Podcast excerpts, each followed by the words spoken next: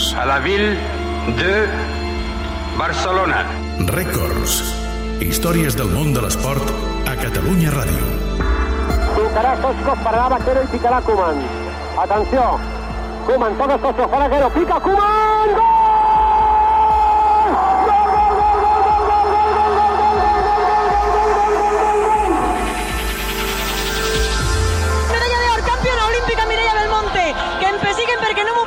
Creure, somriu la badalonina, medalla d'or campiona olímpica. Quina vegada Tamudo retalla! Gol, gol, gol, gol, gol, gol! Quin gol, quin gol, quin gol, quin gol! Murri, Murri, Murri, Murri, Murri, Murri! Ha estat Murri Tamudo! Ha estat Murri Tamudo! Records. Un programa del Departament d'Esports de Catalunya Ràdio amb el muntatge musical de Marc Peirón i Sergi Cotilles. Benvinguts a casa vostra. Apreteu-vos els cinturons, que ens ho passarem bé.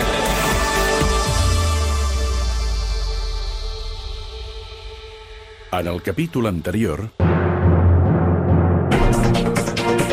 Dimecres 26 d'agost, en plena tempesta pel burofax de Messi, el soci número 18.046 arriba al club amb la intenció de fer un vot de censura. Un soci que el 2015 i aquest 2021 volia optar a presidir el Barça, però que mai ha passat el tall de les signatures. Aquest soci, de nom Jordi Ferrer, té clar que ja que ser president del Barça serà difícil, almenys pot passar la història per fer-ne fora un de president. la presidència de Josep Maria Bartomeu dura 6 anys, 9 mesos i 3 dies. Un període de trànsit entre el millor Barça de la història i la degradació d'un dels grans imperis futbolístics de tots els temps. Una etapa de govern tocada de mort pel Barça Gate que pot acabar amb un altre expresident del Barça a la presó.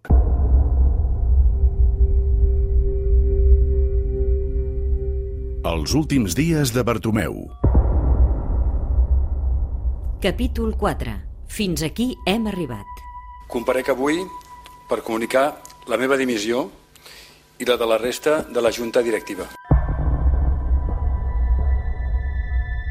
20.731 signatures dels socis volen fer fora la Junta de Bartomeu. Un cop validades, ja no hi ha excusa per no tornar a donar la veu al soci del Barça. El club ha d'organitzar la moció que decidirà si Bartomeu acaba o no el mandat. Com acostuma a passar, però, l'establishment sempre té asos a la màniga. El diumenge 25 d'octubre, Josep Maria Bartomeu envia una carta al president en funcions de la Generalitat, Pere Aragonès, demanant que el govern assumeixi la responsabilitat d'ajornar la votació dues setmanes, fins a mitjans de novembre. Diuen que no hi ha temps d'organitzar una votació a diverses seus en només una setmana. Demanen temps o que els vots es facin només a una única seu.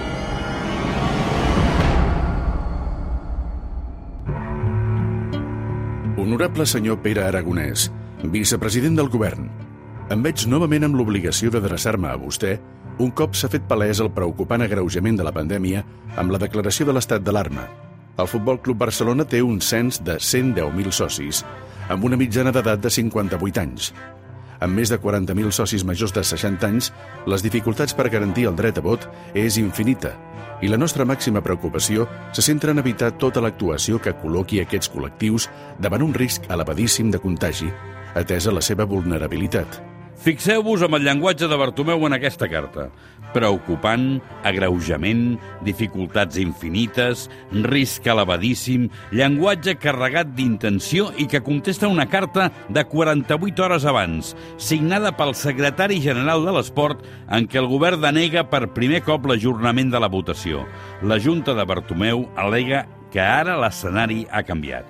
En aquest nou context, la nostra responsabilitat i gravetat de la situació ens exigeix tornar a adreçar-nos al govern i al seu màxim responsable per consultar-vos novament si a data d'avui es donen les condicions per convocar una votació els propers 1 i 2 de novembre en una única seu i al nostre estadi. Sembla l'última mesura desesperada de la Junta de Bartomeu per evitar la votació, però no ho és. Més que un tema de desesperada, la vam interpretar com un tema de màxima transcendència. És a dir, que el president del club, al final, faci un plantejament amb el que era en aquells moments la màxima institució de la Generalitat, doncs volia la màxima solemnitat, no? I escolta'm, el que em respongueu ara és el que produirà doncs, una cosa o l'altra. Gerard Figueres, secretari general de l'Esport. Dilluns 26 d'octubre. Només 24 hores després de la carta de Bartomeu, el govern respon. I respon que no hi ha cap impediment per poder fer la votació en diverses seus al cap de setmana següent. La Generalitat no cobrirà legalment les espatlles a la Junta de Bartomeu. Si pretenen ajornar la votació, el govern no hi jugarà. Ho expressa en una carta enviada al club a mig matí i en una compareixença pública del vicepresident i president del govern en funcions Pere Aragonès al migdia. I per tant em remeto, en aquesta nova carta, si hi ha noves peticions, doncs em remeto al que, des d'un punt de vista tècnic, doncs s'estableixi des del Procicat i des de la Secretaria General de l'Esport, que tenen un grup de treball en aquest sentit.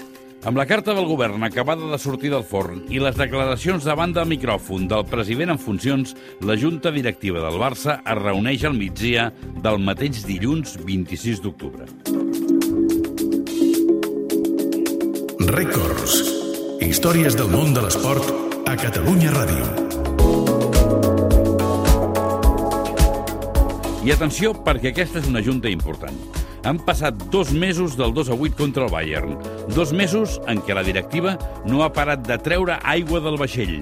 Però no és fins ara, en aquesta junta del dilluns 26 d'octubre, que es parlarà d'una possible dimissió. La reunió exmista, en part presencial i en part telemàtica, comença cap a les dues del migdia. El president Bartomeu explica als directius que la Generalitat no els donarà cobertura legal si la Junta decideix ajornar la votació. Com us deia, a la reunió Bartomeu ja hi planeja l'opció de dimitir. Però també sospesa esperar què diuen els departaments de Salut, Interior i la Secretaria General de l'Esport. Quins són els escenaris alternatius a la dimissió en bloc de la Junta? Doncs una votació en seu única al Camp Nou, o proposar una votació en seus múltiples, però fora dels terminis que marquen els estatuts. La posició de Bartomeu en aquella reunió de, del dilluns 26 i la de la majoria de directius, perquè la majoria de directius acostumaven a estar d'acord amb el que deia el president, va ser la d'esperar, la, la d'intentar guanyar el poc temps que semblava que, que els hi quedava.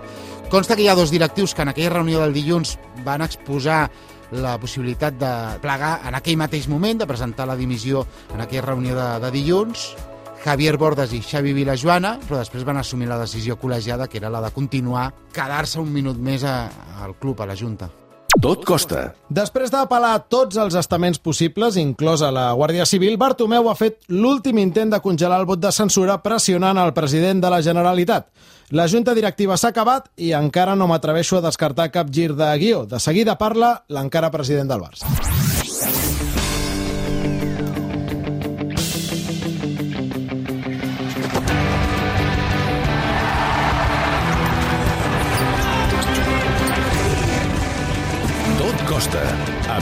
Costa i Sònia Gelmà.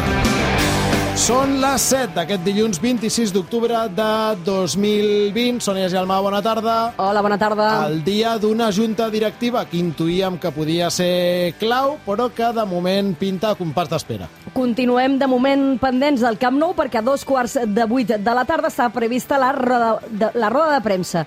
Eh, en aquest cas amb compareixença de Josep Vives, el portaveu, i amb un guest star, Josep Maria Bartomeu, que avui l'acompanyarà i, a més, respondrà en principi les preguntes dels periodistes. No és poca notícia perquè a Bartomeu no el sentim des del Gamper.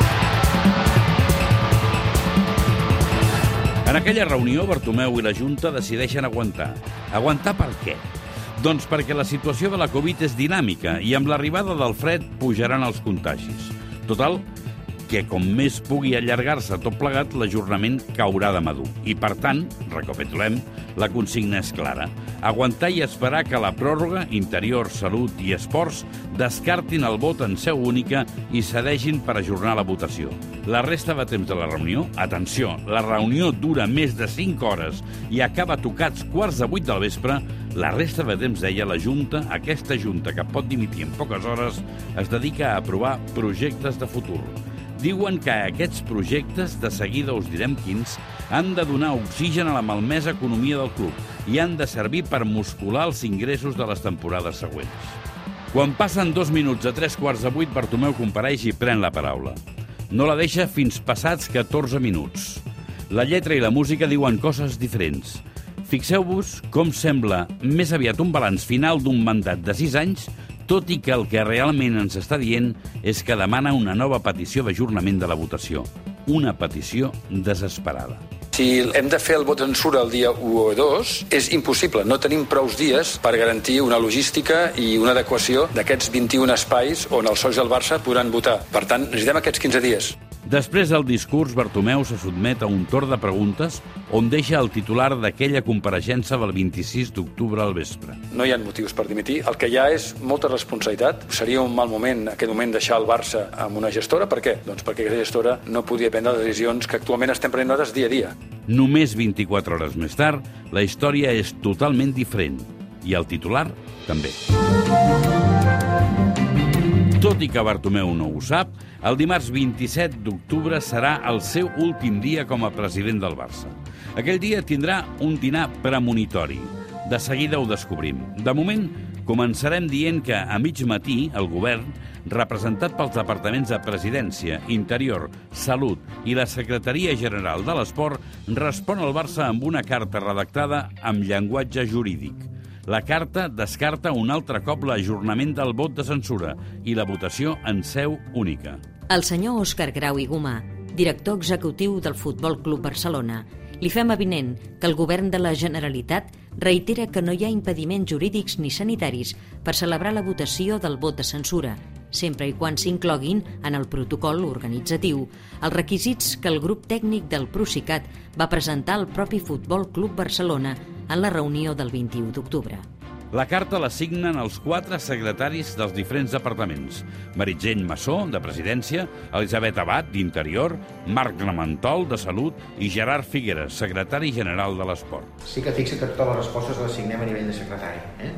detall. Però al final, l última sí que es planteja que la signem els quatre secretaris, no? Presidència, vice, Presidència, Salut, Interior i Esports. Volguem dir, no, la, la postura del govern en aquest cas és una. No en trobarem una altra en funció de la porta que truquem. Eh? I, I també per dir, no? per reiterar que la decisió de si es feia el vot de censura o no amb aquelles dates o amb unes altres o no es feia era una decisió del Barça, no una decisió del govern. Uh -huh. La manera de dir, bueno, no, no especulem més fins aquí.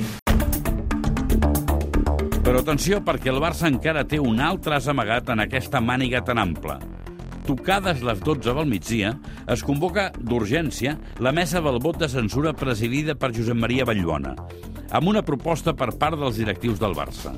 La mesa ha de suspendre la votació d'aquell cap de setmana, recordem, dies 1 i 2 de novembre, per motius sanitaris i per protegir els socis del Barça. La reunió és telemàtica i entre els cinc membres de la mesa del vot de censura, els directius Marta Plana i Jordi Argemí, els impulsors del vot, amb Jordi Ferrer al capdavant, i el president de la mesa i representant de la Federació Catalana de Futbol, Josep Maria Vallbona. I va haver-hi una última reunió que encara van proposar que suspenguéssim per motius que no es podia celebrar perquè degut a la, a la pandèmia del Covid, que, que era un perill pels socis del Barça i, i que per tant que no es podia celebrar les, les, la votació aquesta del vot de, de, la, de la moció de censura. I, I ja vam dir, això no és una cosa nostra, som nosaltres.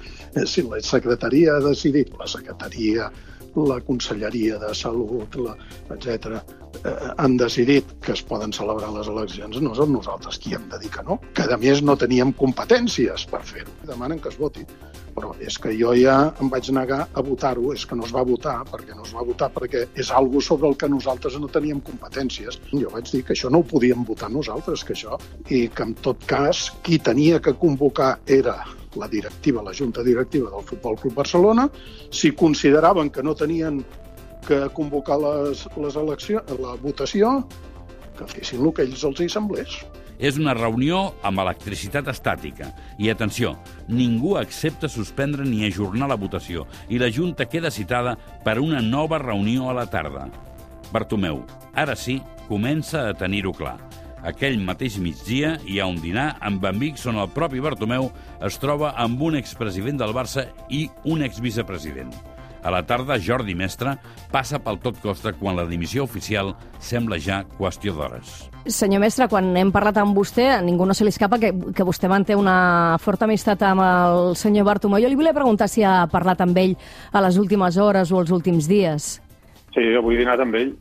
I, I com l'ha vist? Ho dic perquè les últimes imatges en què nosaltres l'hem vist se'l veu eh, afectat físicament, tocat.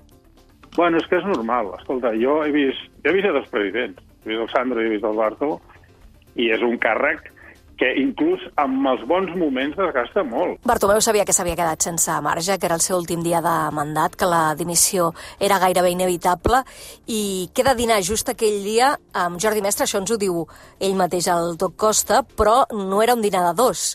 Era un dinar que feien un cop al mes amb amics de joventut, on hi havia Mestre, hi havia Bartomeu, i tres més, i d'aquests tres, dos eren anònims, però el tercer era l'anfitrió del dinar, es feia a casa seva i era Sandro Rossell. Just el dia en què marxava, dinava amb l'home de qui va heretar el càrrec gairebé set anys abans.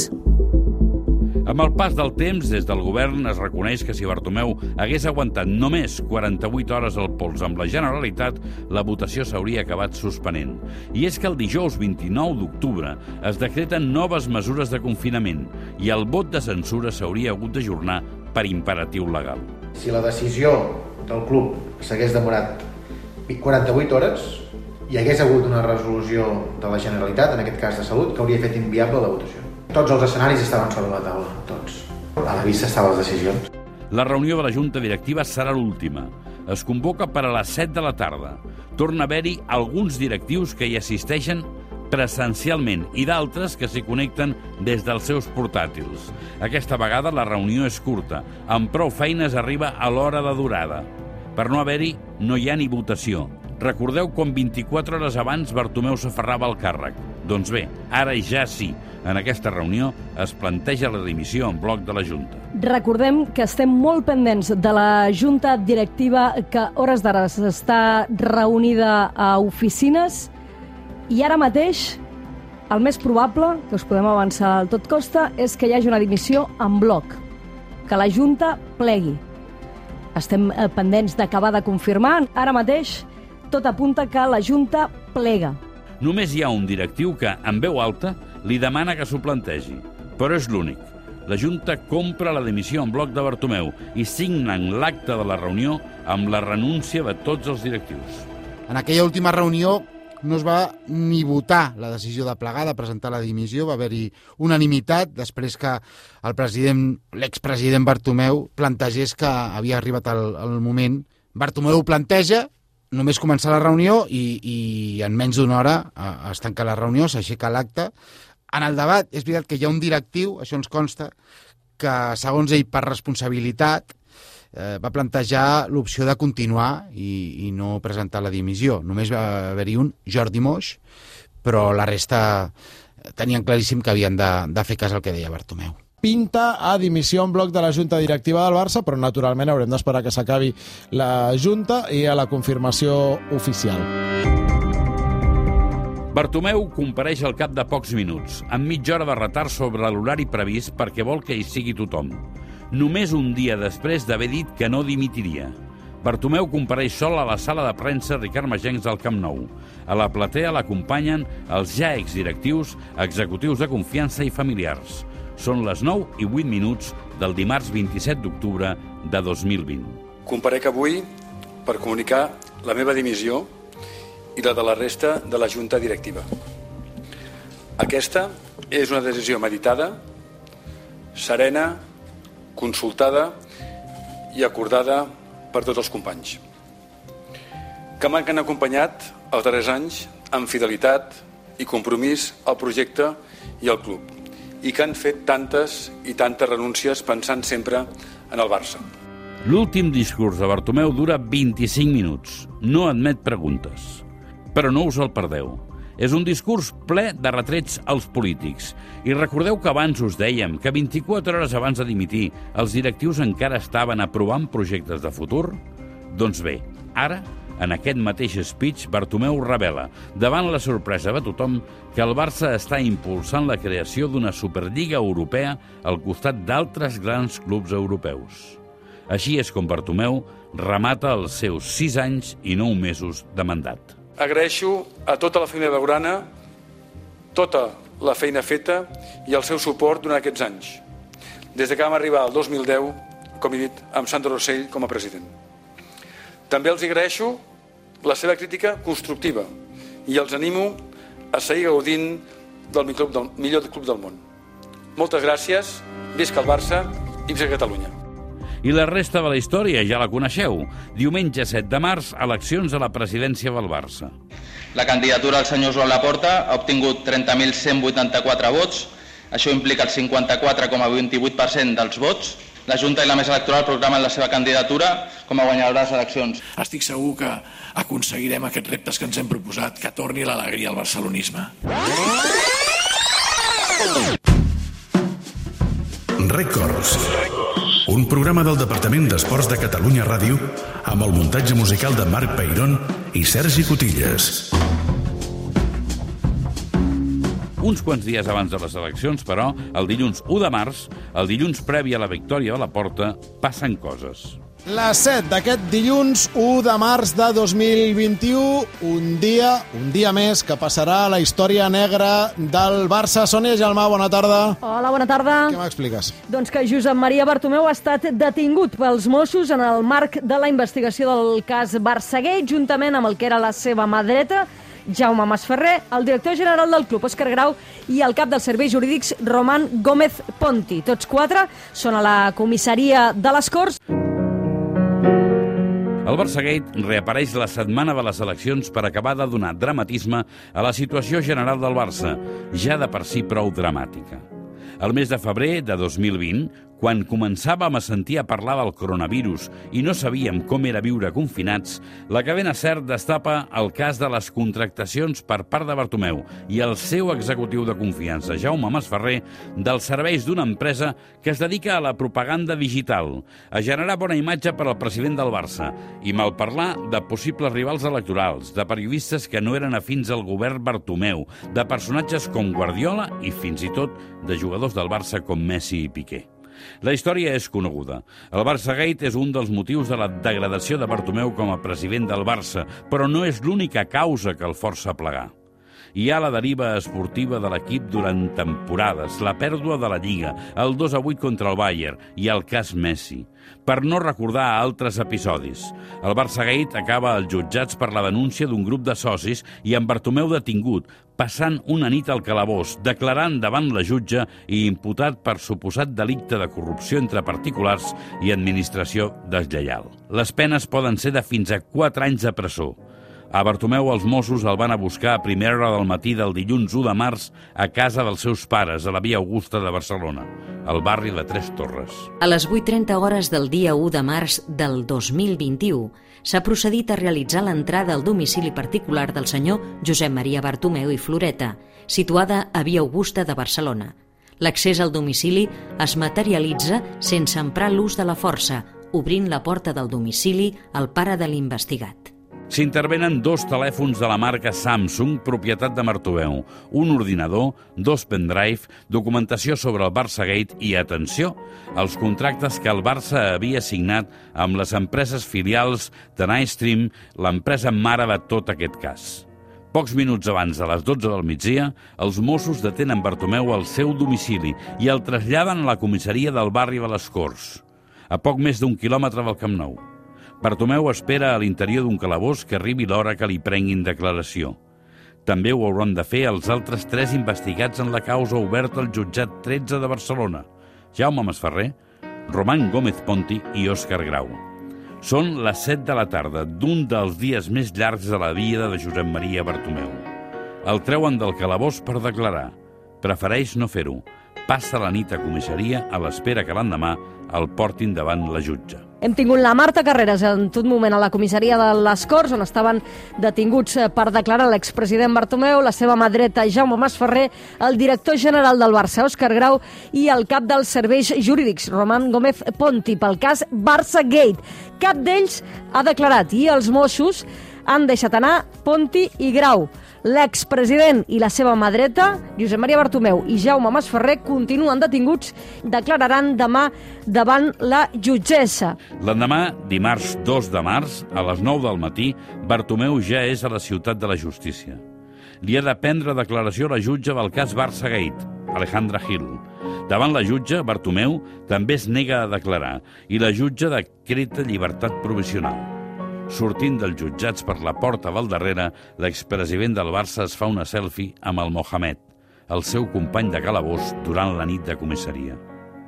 Una altra demostració surrealista que amb el que afecta al Barça tot és possible. La mascarilla, la No, mascarilla. no, no puedo, vale. no puedo, no vale, puedo, debo, debo quitarse del pecho, que vaya a ver. Al cap de només una estona de deixar en llibertat provisional dos dels quatre principals sospitosos de la trama Barçagate, Josep Maria Bartomeu i Jaume Masferrer, la jutge aixeca el secret de sumari i al sumari s'hi poden llegir coses com que la seu d'una de les empreses que facturava milers d'euros al Barça pels serveis de la campanya de propaganda digital estava en una autocaravana atrotinada situada en un voral d'un raval de l'Uruguai. I atenció, un correu electrònic amb un punt intimidatori de Bartomeu a la compliance officer del Barça, Noelia Romero, perquè deixés d'investigar internament la trama del Barça-Gate. Avui, de manera sorprenent, alguns treballadors del club s'han dirigit a mi per informar-me que has volgut reunir-te amb ells per parlar d'una investigació que està en marxa i que desconec totalment. Més enllà del que s'ha decidit investigar, tu em vas dir que no faries res més, a banda d'informar a Ramon Gómez Ponti. Per això demano que demà divendres m'informis d'aquesta investigació i de les persones que t'han indicat que s'havia d'iniciar. Al cap de tres dies, Noelia Romero va ser suspesa de sou i feina i només unes setmanes més tard acomiadada per Bartomeu. El cas Barça-Gate continua obert en el moment de tancar aquesta sèrie documental i en el seu abans pot acabar enviant a la presó un expresident del Barça. Un altre. Abans i durant l'elaboració d'aquest projecte, abans i després de la seva detenció, hem convidat Josep Maria Bartomeu a participar-hi per tenir la seva versió dels fets. La resposta sempre ha estat negativa.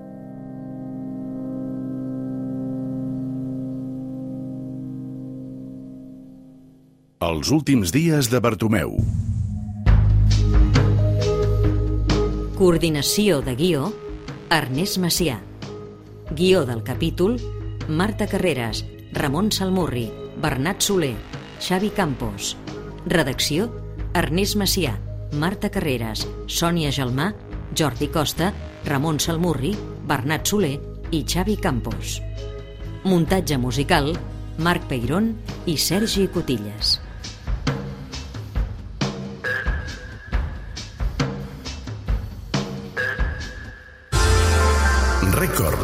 Històries del món de l'esport a Catalunya Ràdio. Records.